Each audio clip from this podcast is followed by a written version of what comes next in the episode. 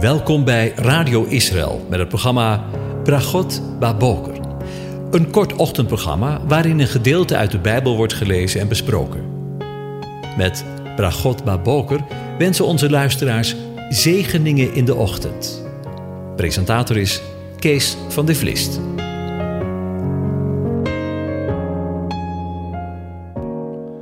Hartelijk welkom, luisteraars. Vanmorgen gaan we nadenken over Psalm 93. Ik lees het aan je voor.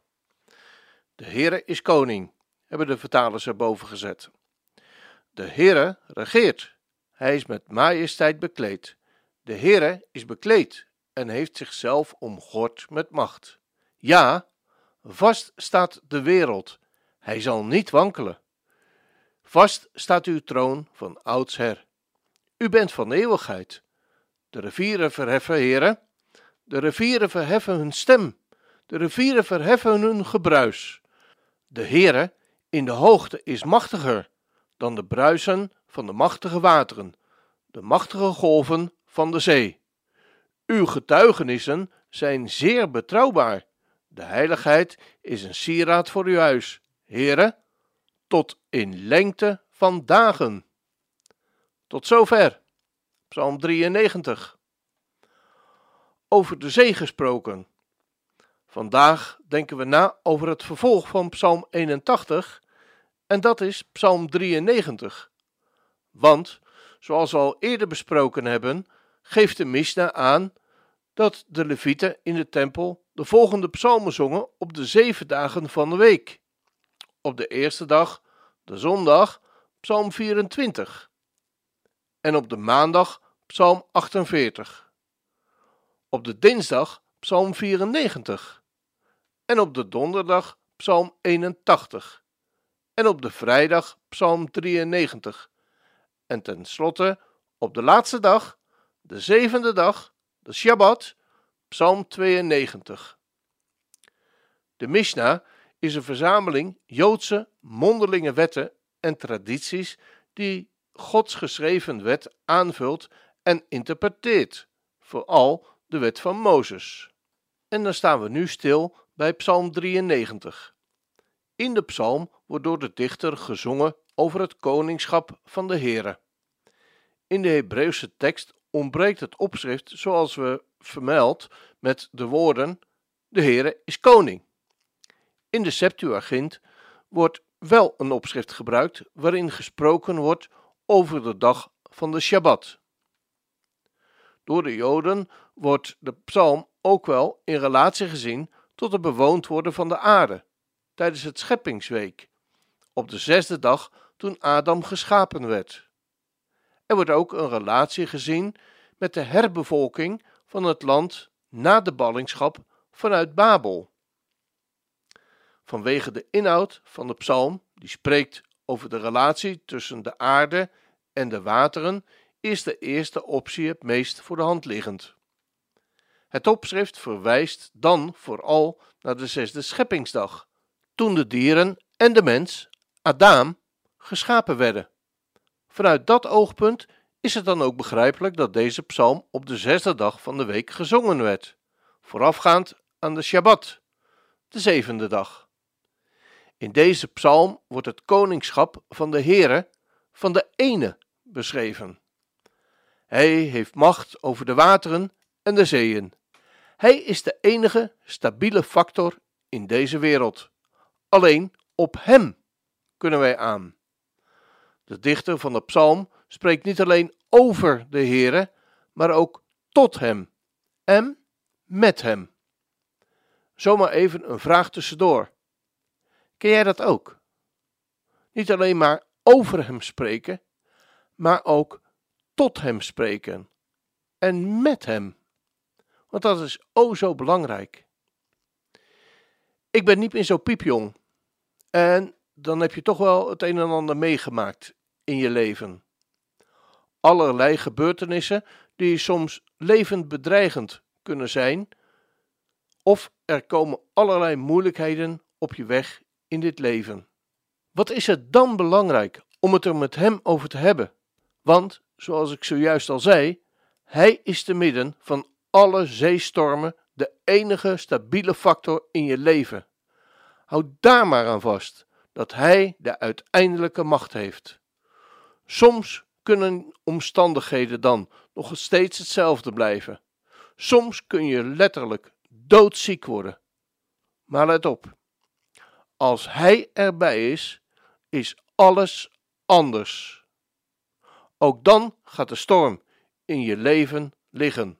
De Jezus heeft zijn macht over het water en andere al of niet demonische krachten tijdens zijn leven op aarde talloze malen bewezen.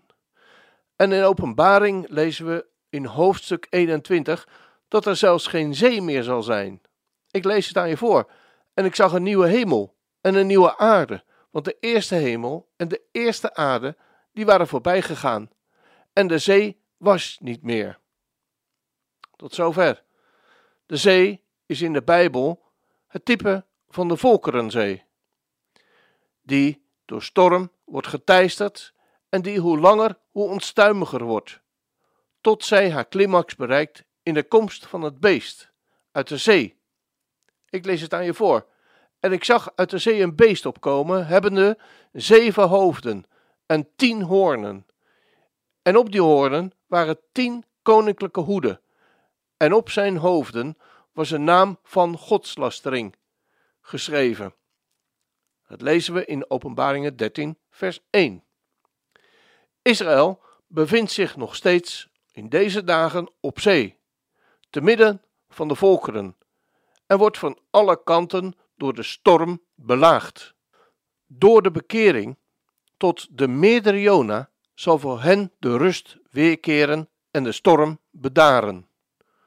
De belofte luidt uit Jeremia 30 vers 10. Ik lees het aan je voor. Gij dan, vrees niet, o mijn knecht Jacob, spreekt de Heere. Ontzet u niet, Israël, want zie, ik zal u uit verre landen verlossen, en uw zaad uit het land van hun gevangenis. En Jacob zal wederkomen, en stil en gerust zijn, en er zal niemand zijn die hem verschrikt. Want, lezen we in Psalm 93, de rivieren verheffen, heren, de rivieren verheffen hun stem, de rivieren verheffen hun gebruis. De Heere in de hoogte is machtiger dan het bruisen van de wateren, van de machtige wateren, de machtige golven van de zee. Tot zover vanmorgen deze korte bloemlezing over Psalm 94. De volgende keer hopen we weer wat inhoudelijker in te gaan op deze mooie psalm. Als afwisseling van de liederen die we tegenwoordig aan het eind van het programma laten horen, laten we hierna een Joodse versie horen vanuit Psalm 93. Adonai Malak. De Heere regeert. We gaan luisteren naar het lied. Adonai Malak.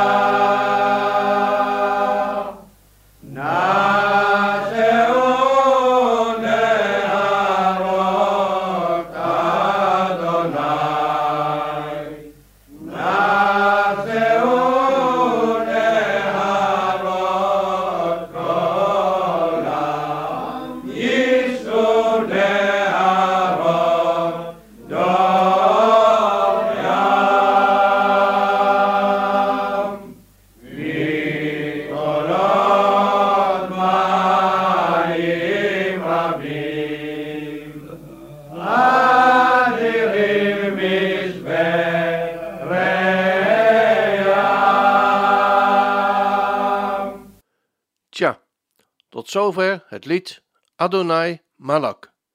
Ik wens je een van God gezegende dag toe.